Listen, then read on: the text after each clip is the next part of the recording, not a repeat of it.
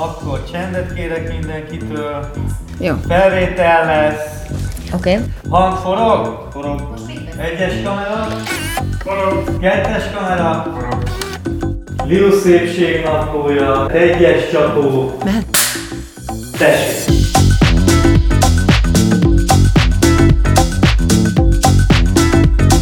A szépség benned van, de sokat tehetsz azért, hogy ezt mások is észrevegyék. A Rosszmannal közösen készített szépségnapló videóiban megmutatjuk, ebben a podcastban pedig megbeszéljük, hogy mire érdemes időt és energiát fordítani, hogy még jobban érezd magad a bőrödben.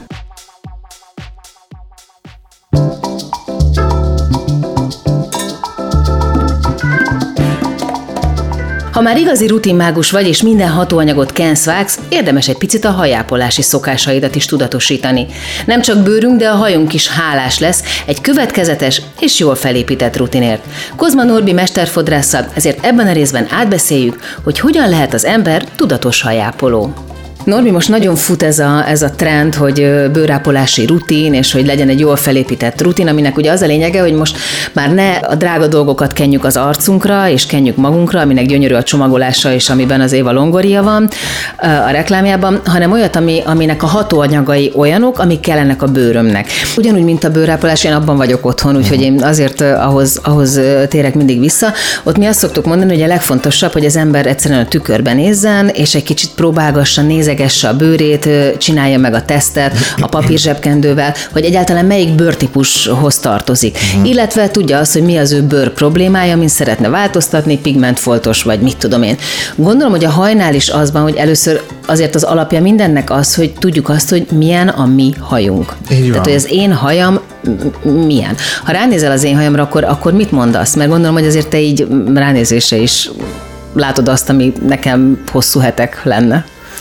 Hát figyelj, most igazából, amikor van egy, egy ilyen termékátbeszélős konzultáció, akkor nyilván azért átnézzük a fejbőrt, a hajszerkezetet, festette a hajad, nem festett, mi a napi rutinod, hogy szárítod, stb. stb. Ez mind fontos azért, hogy tudjam, hogy te rontasz el valamit a napi rutinodban, vagy pedig egész egyszerűen ténylegesen nem megfelelő terméket használsz, mert mondjuk, nem tudom, tényleg az volt neked a legfontosabb, hogy a barátnődnek milyen szép a haja, és hogy te akkor ugyanolyat szeretnél, ez sajnos nem így működik. Nagyon sok esetben elrontják szerintem a, a nők, és egyébként most már Szerintem most már férfiakat is egyre inkább érint ez a, ez a, ez a haj kérdés, ők is egyre inkább odafigyelnek rá. Van különbség egyébként a férfi és a női fejbőr között és haj között? Mm, Ezt nem, nem tapasztaltam. Hát nyilván más típusú hormonok dolgoznak a férfiak és nők szervezetében, ezáltal nyilván mondjuk lehet, hogy egy férfi hajnak kicsit erősebb a tapintása, vagy a olajossága, stb. stb., de ez igazából szerintem tényleg mindenkinek egy, egyéntől függ, meg a saját genetikájától függ. Szerintem nagyon sok esetben ott rontják el a nők, hogy például vízes haja fekszenek le aludni, vagy Az rosszul nem szárítják. Az miért nem jó? Hát figyelj, hogyha még valamelyik vendégem arra panaszkodik, hogy nagyon zsírosodik a haja és matt, és ilyen fura viaszos érzete van, akkor mindig megkérdezem, hogy vizes haja fekszel le aludni, és akkor én mondja, hogy hát igen. És ak- ez tulajdonképpen az történik, hogy a vizes haj az egy hat órás alvás alatt ugyanúgy befülled, mint egy törölköző, amit ledobsz a fürdőszoba sarokba, szóval, hogy igazából nem tud kiszáradni, elszaporodnak rajta a gombák, baktériumok, és ezáltal egy ilyen fura, fénytelen, kicsit viaszos, tehát nem, nem, ez a, nem ez a klasszik zsíros hajérzet, hanem egy ilyen, inkább a viaszosságra tudnám hasonlítani ezt a textúrát, amit kap a felület, és ponton sajnos ennek van egy ilyen jellegzetes szaga is, amit lehet, hogy te mondjuk nem érzel magadon, viszont hogyha mondjuk én felé hajolok a vendég felé, akkor én ezt nyilván tapasztalom, de nyilván szak, szakmámmal adódóan ezeket én érzem, és ezzel semmi gond nincsen, viszont erre oda kell figyelni. Mi alapján tesz egy profi különbséget a hajak között? Rövid, hosszú, festett, vékony szálú. Tehát mik azok a nagy csoportok, amik mondjuk ö, ugyanígy a bőrápolásban a tulajdonképpen száraz, a kombinált vagy a zsíros? Igen, tulajdonképpen ezeket veszük mind figyelembe, hogy ö, festett hajad van, zsíros hajad van, száraz hajad van, vékony szálú, festette, a tövénél zsírosodik, a vége felé száraz, mennyire töredezett, mennyire porózós, stb. stb. Ezeket mind figyelemmel kísérjük, és ez alapján kezdünk el felépíteni egy protokollt. Ugye azért a, a, az elmúlt mm, 20-30 évben leginkább a rutin az, az abból állt, hogy egy jó sampon, és, egy balzsam. maximum, Igen, igen. maximum. Igen. Meg ugye voltak a, az kettő az egyben, annak is volt egy nagy, Igen. nagy időszaka, Igen, még volt. a 80-as, 90-es években, amikor, amikor mindenki ezt, ö, ezt letudta.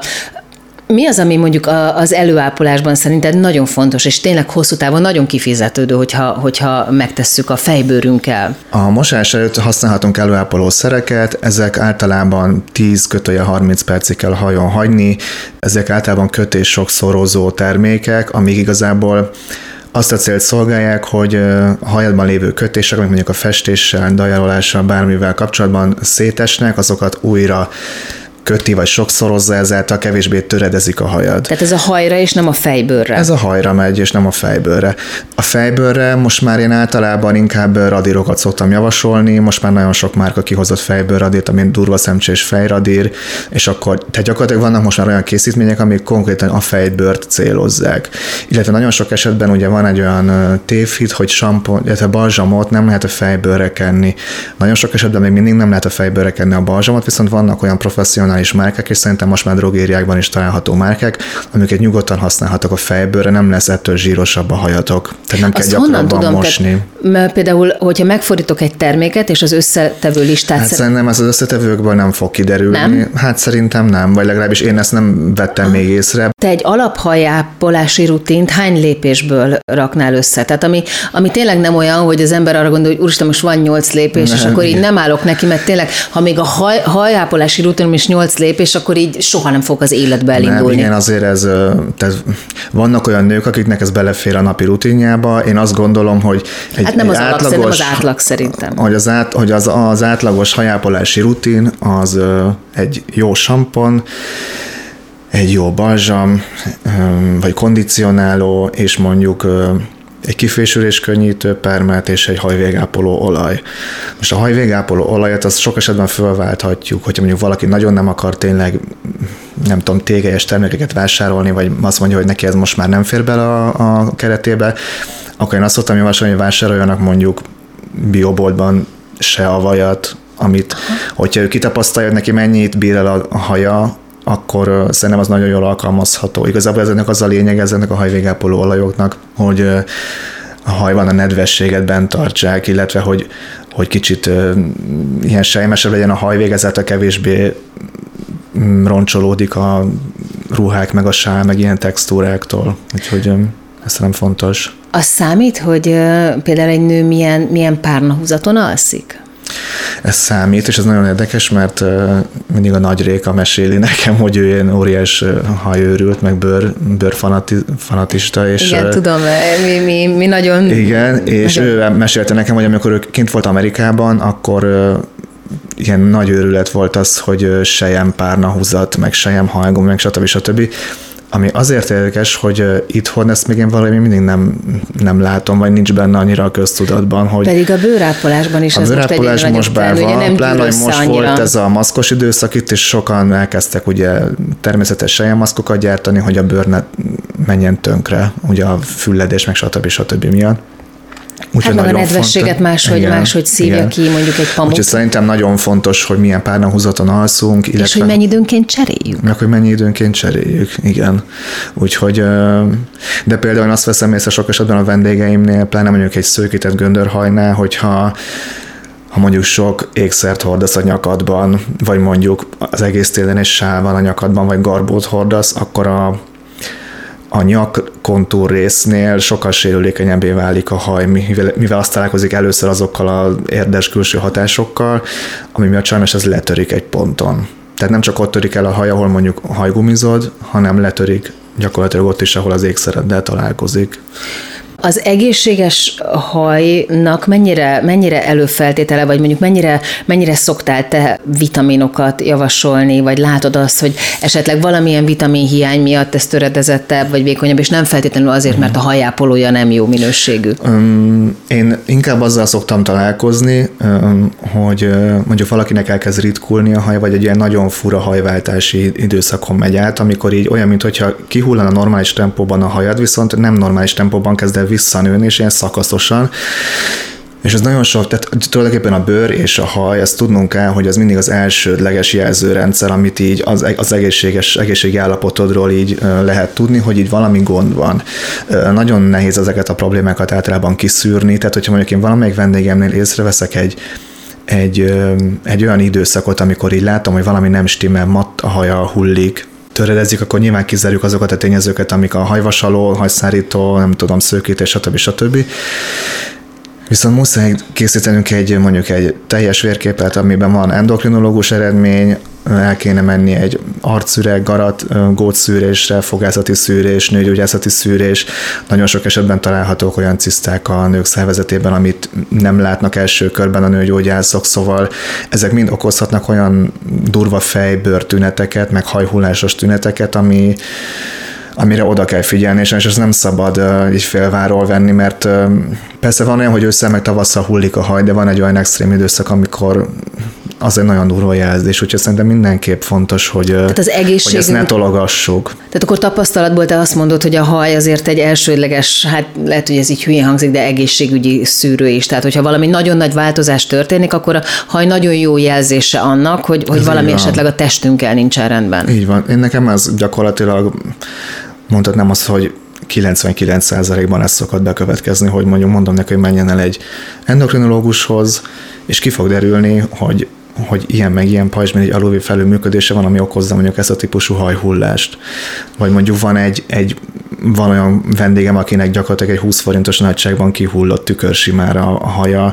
Tehát ezek olyan dolgok, amik nem az történik, hogy mondjuk felakadtál valahova és kitépte, hanem egész egyszerűen van tényleg valahol a szervezetedben egy olyan góc, vagy egy olyan probléma, amire így reagál a szervezeted. Ezeket nagyon fontos figyelni. Mi a helyzet azokkal a, a változásokkal, amivel nyilván te is találkozol nap, mint nap, hogyha mondjuk valaki várandós, vagy valaki szoptat. Hát nekem emlékszem, hogy nagyon, tehát gyakorlatilag olyan dús hajam lett a, a terhességem alatt, tényleg ilyen sörényem, ami, ami Igen. egyébként nincsen.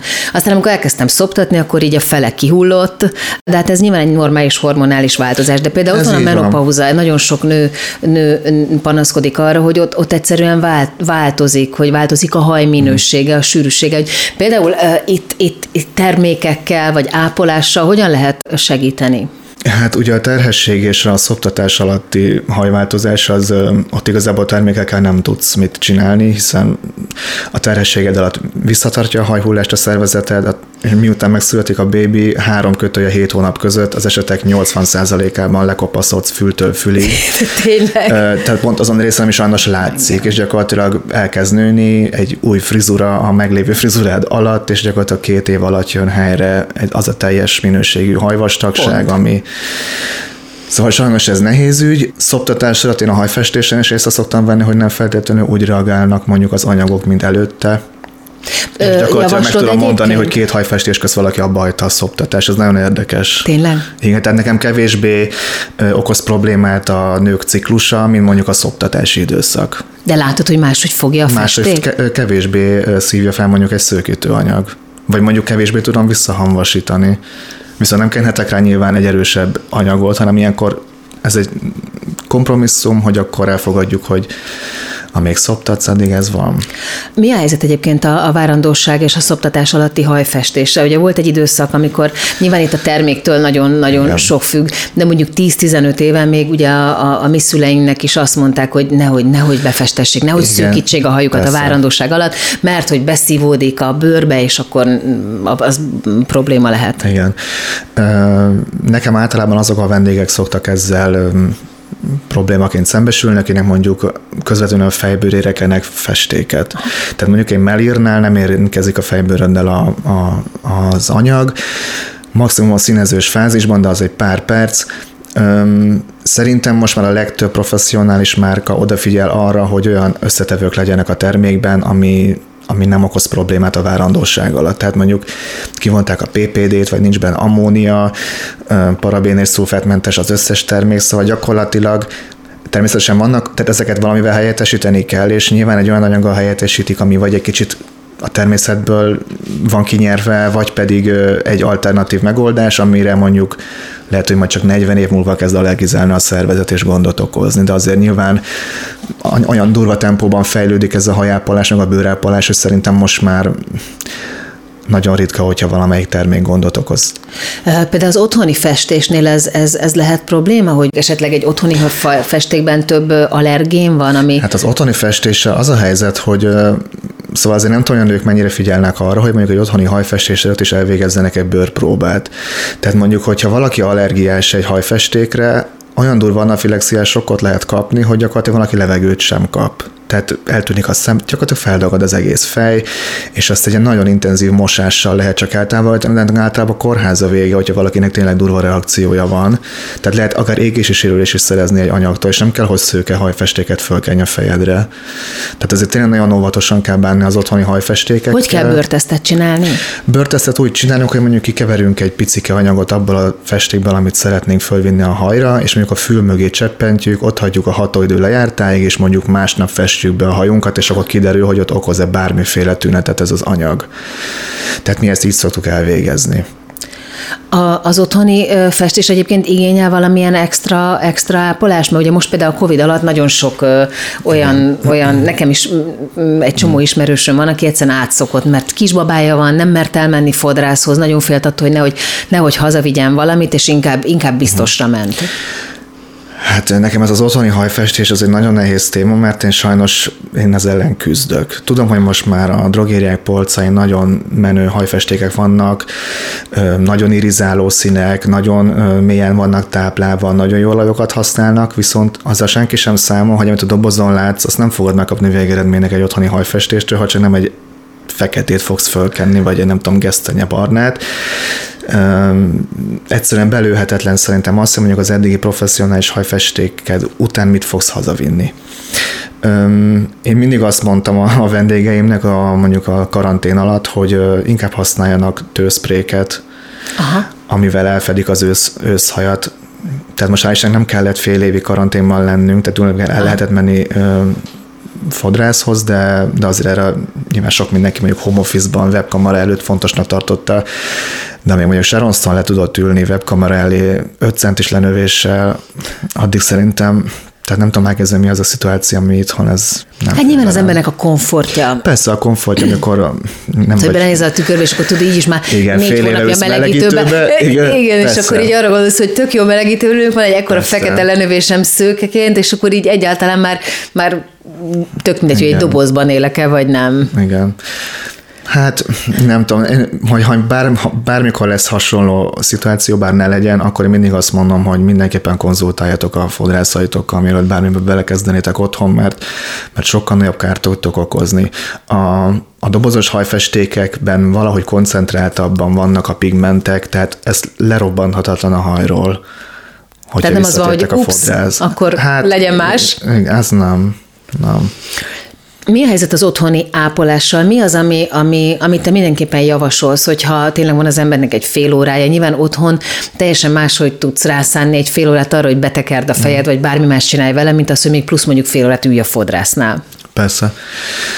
Szerintem jó megoldások, mint ahogy beszélgettünk a, a beszélgetésünk elején arról, hogy vannak ezek a hajmosás előtti ápolók, amik gyakorlatilag fél óra pluszt jelentenek, de ezeket a termékeket egyébként szerintem én azt szoktam javasolni a vendégeimnek, hogyha mondjuk van egy szabad vasárnapod, és mondjuk semmi dolgod nincs, akkor nyugodtan bedunsztolhatod a hajad ezekkel a termékekkel, minél tovább van rajta, annál jobb.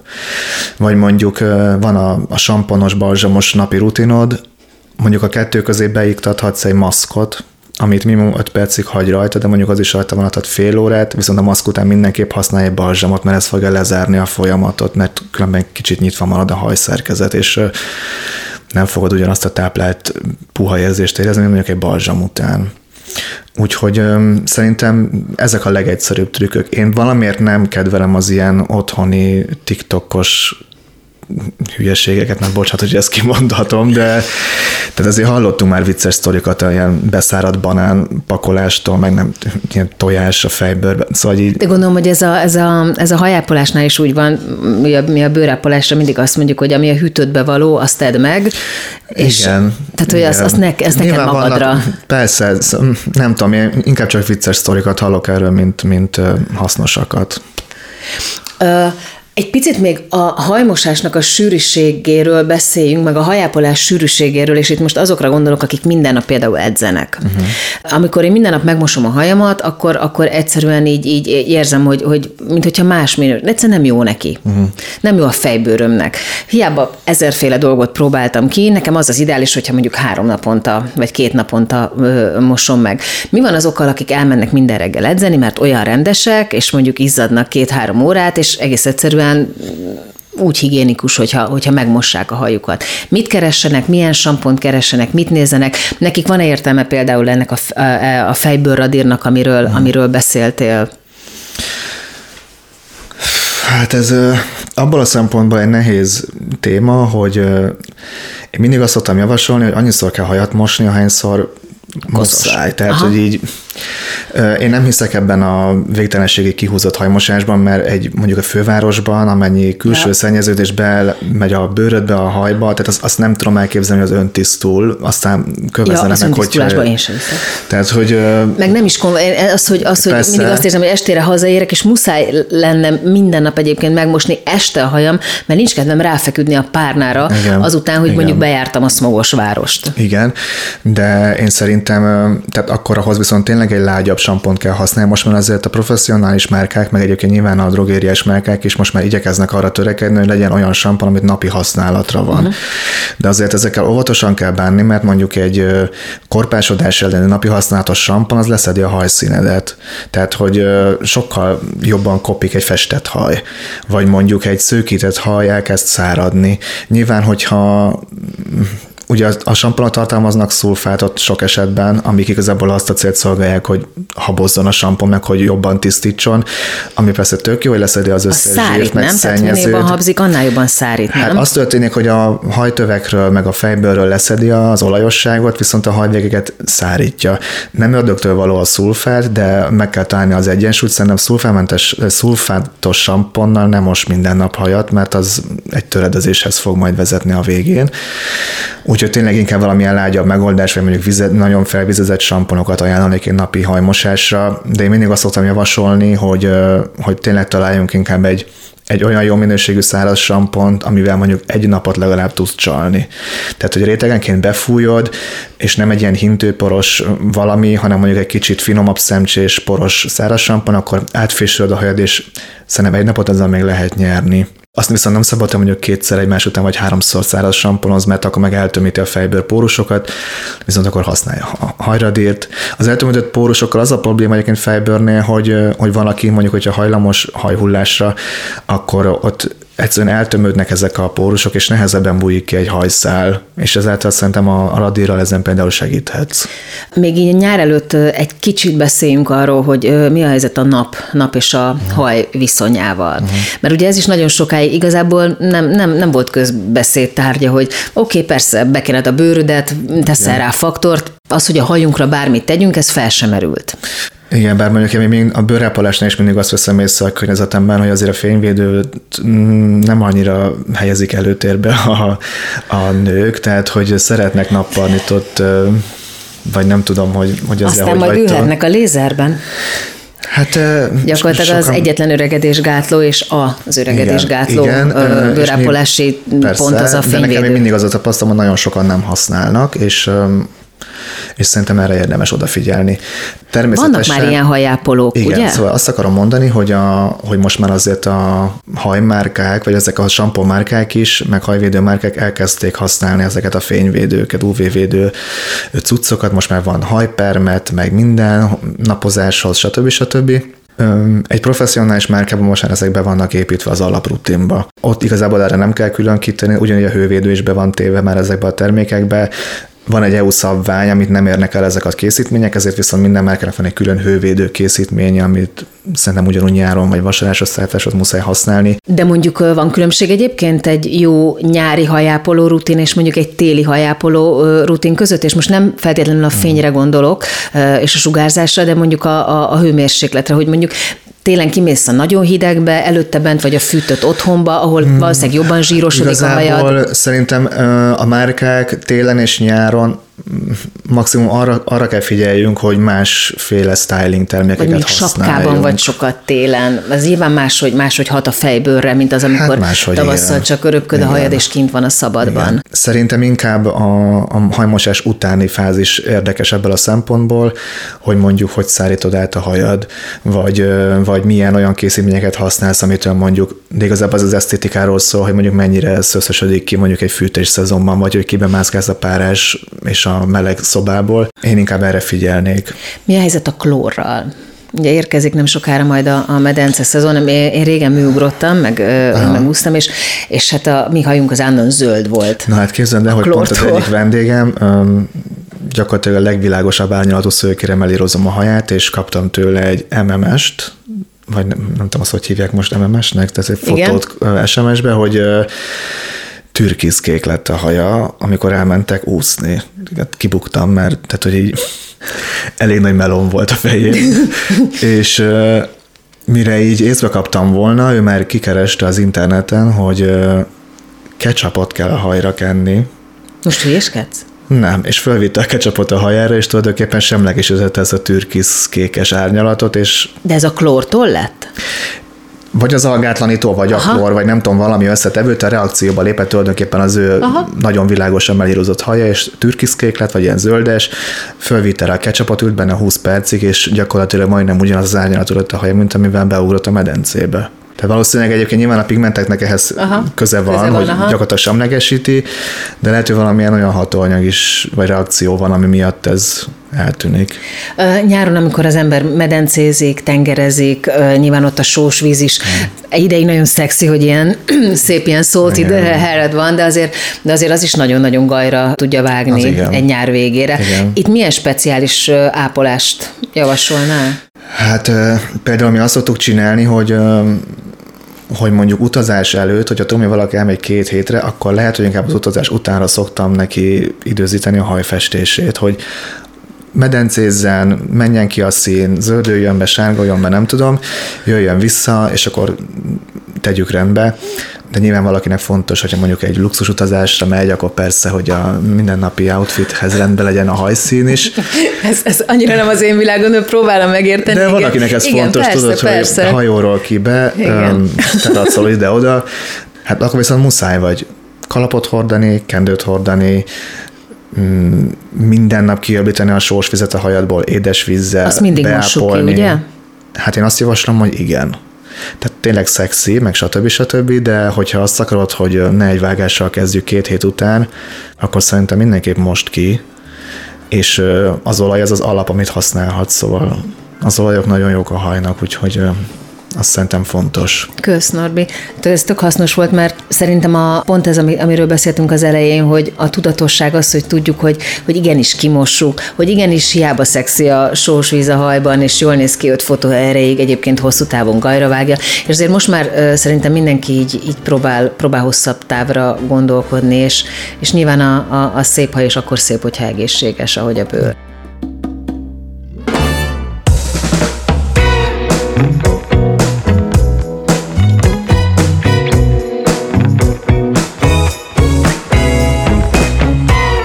A Szépségnaplót hallottátok, ami az Azonos című YouTube sorozat kiegészítő műsora. Azért indítottuk el ezt a podcastot, hogy segítsünk megtalálni a benned lévő szépséget, és tanácsokat adjunk, hogy ezt hogyan tudod a legjobban kiemelni. Ha érdekel a téma, mindenképpen iratkozz fel a csatornánkra, és hallgass meg a többi epizódot is. Ha nem csak hallgatnád, de néznéd is a műsort, keres rá a videóinkra a YouTube-on, Lilus Szépségnaplója címen, amit a Rosszman csatornáján találsz meg. A műsor szerkesztője Zsille Sára Franciska, felvételvezetője Csomor Attila, a zenei és utómunka szerkesztő Szűcs Dániel, a kreatív producer Román Balázs, a producer pedig Hampuk Rihárd. A Szépségnaplót és Lilut hallottátok. Ne feledjétek, a szépség tanulható. Beaton Studio. Ha más podcastekre is kíváncsi vagy, hallgassd meg a Béton műsor ajánlóját. El tudod képzelni, hogy a podcastet, amit éppen most hallgattál, fél év múlva már a mesterséges intelligencia generálja? Mi sem. De ha érdekel, eljötte már a gépek lázadása. Hallgass bele az Embertelen podcastbe. Orsós Lajos vagyok, a műsor házigazdája. Egyelőre még élőben. Egyelőre. Fedezzük fel együtt, hogyan ismerkedik, randizik, mesél és vitatkozik Betty és Péter, két teljesen mesterséges intelligencia. Lajos, a podcast címét mond még egyszer, Léci. Oké. Okay. Embertelen podcast. Ez egy Béton podcast.